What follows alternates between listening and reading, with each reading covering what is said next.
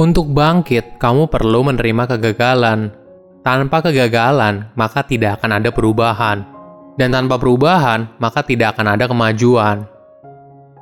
Halo semuanya, nama saya Michael. Selamat datang di channel saya, Sikutu Buku. Kali ini, saya akan bahas buku Rising Strong, karya Brené Brown. Sebelum kita mulai, buat kalian mau support channel ini agar terus berkarya, caranya gampang banget Kalian cukup klik subscribe dan nyalakan loncengnya. Dukungan kalian membantu banget supaya kita bisa rutin posting dan bersama-sama belajar di channel ini. Buku ini membahas soal apa yang membuat orang bisa bangkit ketika mengalami keterpurukan dalam hidup.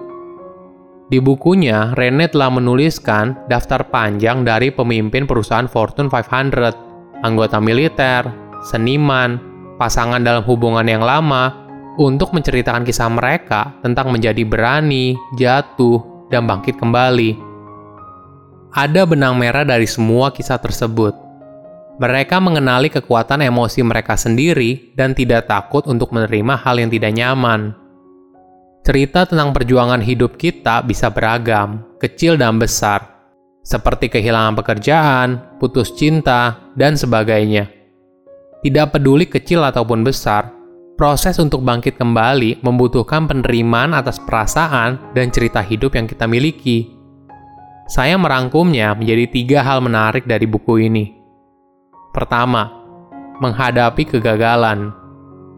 Dalam hidup, kita pasti akan menemui tiga hal: kematian, pajak, dan kegagalan.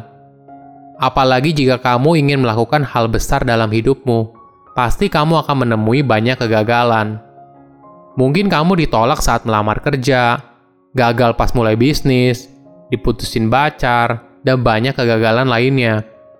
Jika kita sudah pasti pernah mengalami kegagalan, kenapa kita sulit dalam mengelola perasaan yang muncul dari kegagalan itu?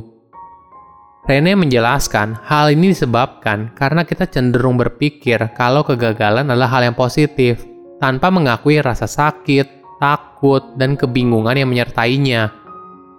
Tentu saja, kita sangat suka dengar kisah pengusaha sukses dari nol.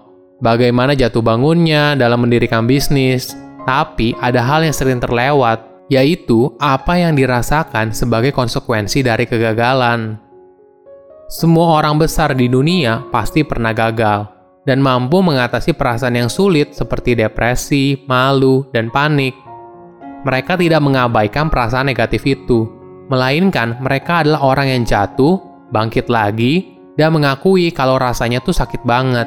Tapi semua ini penting bagi hidupnya dan harus terus melangkah. Ada jalan yang bisa kamu ikuti dalam menghadapi kegagalan. Fase pertama disebut sebagai the reckoning. Di fase ini, kamu menyadari perasaan apa yang muncul bersamaan dengan kegagalan dan memperhatikan bagaimana perasaan ini bisa mempengaruhi caramu berpikir dan bertindak. Ini merupakan kebalikan dari sesuatu yang biasa kita lakukan.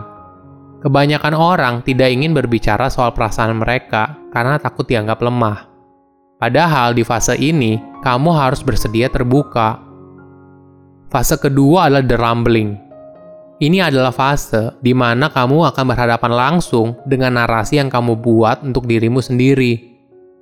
Apakah kamu sering bilang kalau hidup kamu sekarang tidak cukup, tidak cukup baik, tidak cukup pintar, tidak cukup hebat.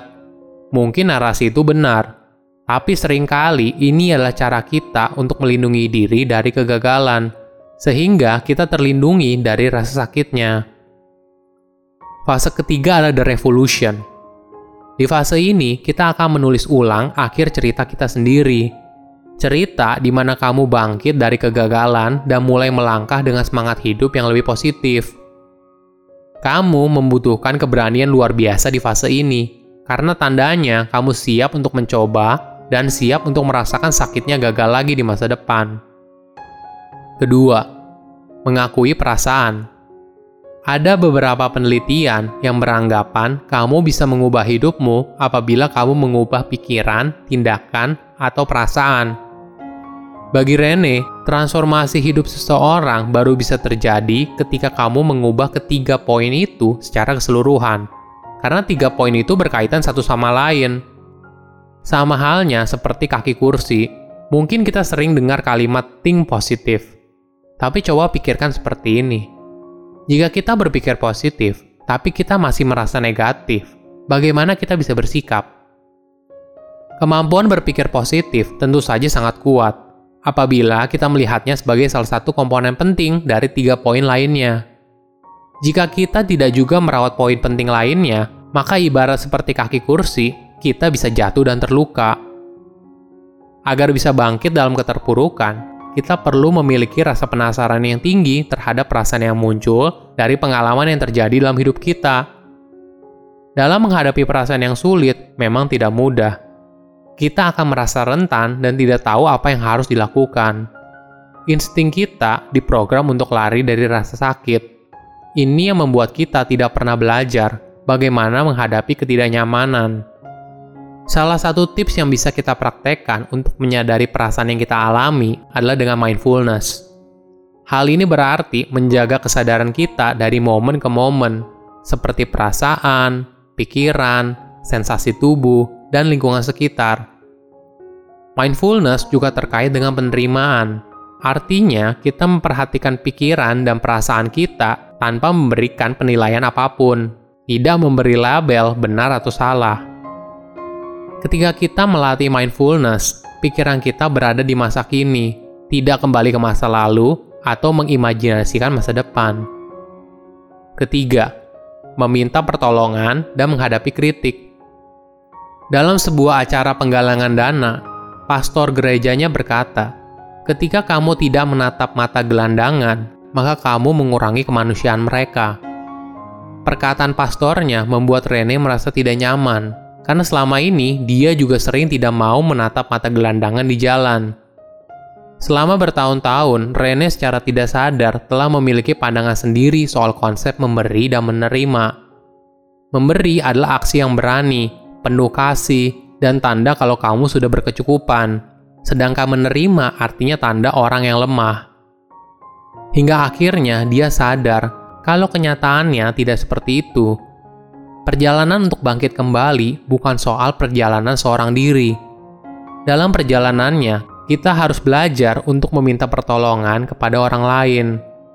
Ini bukan merupakan tanda seseorang yang lemah, tapi merupakan ciri orang yang berani, karena dia berani mengakui ada yang kurang dari dirinya dan mencari bantuan dari orang lain.